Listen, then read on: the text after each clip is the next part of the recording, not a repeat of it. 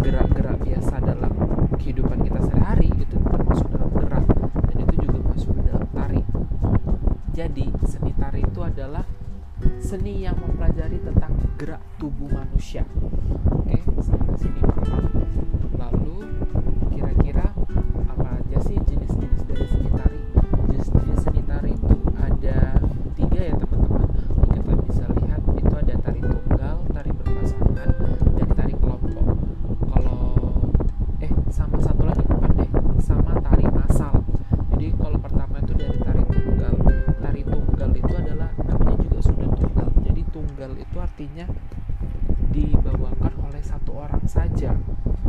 Sedangkan tari berpasangan itu dibawakan secara berpasang-pasangan. Kalau tari kelompok adalah tari yang dibawakan oleh tiga orang, empat orang, pokoknya dia lebih dari dua orang. Kalau dua orang itu berpasangan, kalau lebih dari dua orang itu sudah kita bisa kategorikan sebagai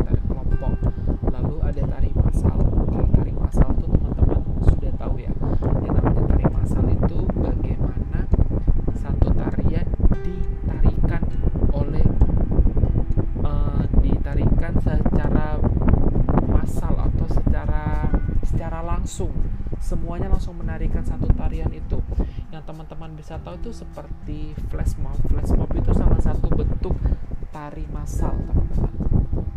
Lalu bagaimana sih sejarah tari di Indonesia? Sejarah tari di Indonesia itu dibagi dari menjadi lima era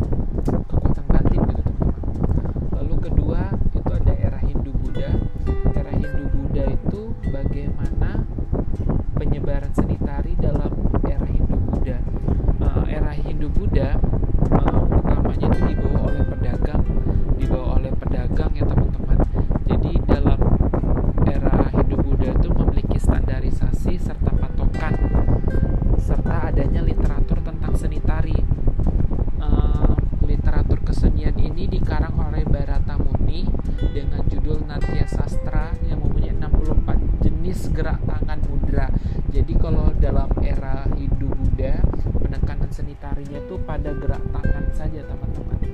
Lalu ada era Islam. Kalau era Islam biasanya tarian itu digunakan untuk acara-acara keagamaan orang Islam. Contohnya itu apa saja? Contohnya pada saat hari raya, Maulid Nabi, dan hari-hari besar agama Islam lainnya.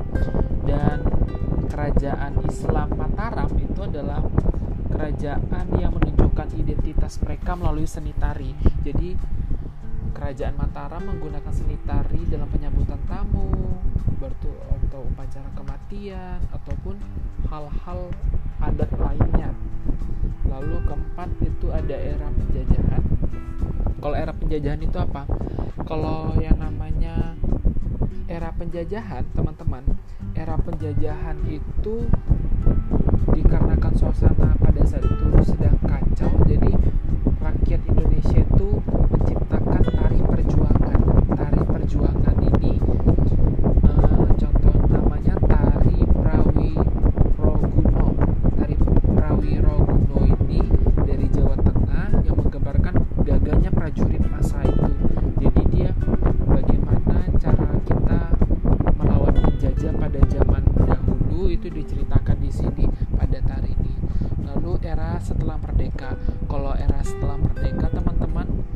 sudah mulai berdatangan yang namanya tari-tari modern atau hip hop, modern dance, K-pop dan hal-hal yang lainnya. Jadi kalau era setelah merdeka itu jenis-jenis tari baru itu sudah mulai ada ya teman-teman. Ini dibuktikan bahwa sekarang kita setelah setelah merdeka kita sudah merasakan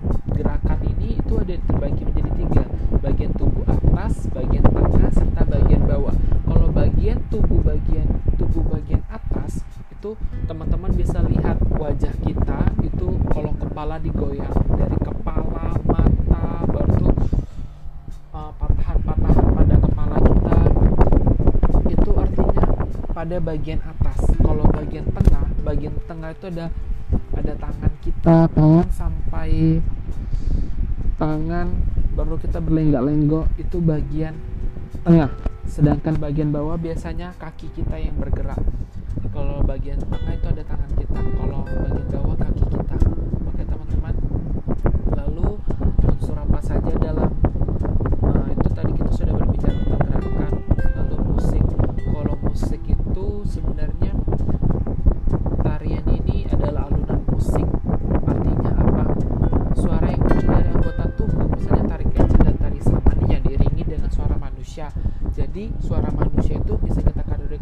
salah satu musik.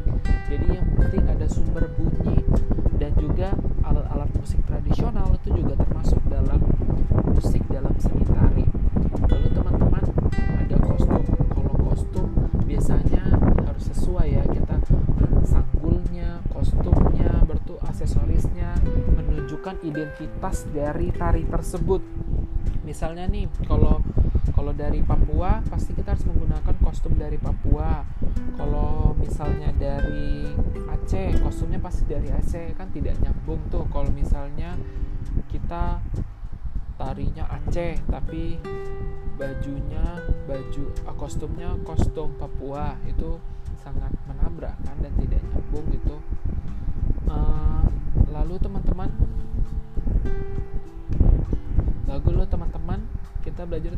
fungsi seni tari. Fungsi seni tari itu adalah pertama sebagai sarana hiburan. Sebagai sarana hiburan, contohnya seperti apa Pak Agus? Teman-teman bisa lihat, uh, misalnya pada saat kita melihat penampilan K-pop dance, K-pop dance itu itu menghibur diri kita. Itu artinya apa teman-teman? Itu artinya bahwasanya fungsi seni tari dalam bidang hiburan. Artinya dia menghibur diri kita ketika kita sedih dan sebagainya. Uh, lalu teman-teman fungsi seni tari yang kedua itu adalah sarana sarana upacara sakral. Upacara sakral itu contohnya apa teman-teman? Yang saya bilang tadi upacara kematian upacara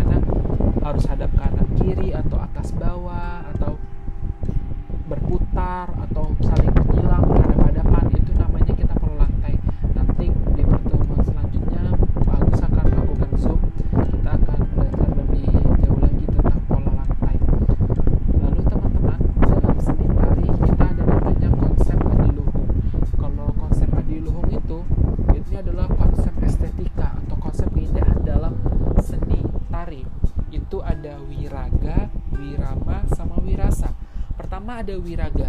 Wiraga itu artinya seluruh tuh gerak tubuh raga kita.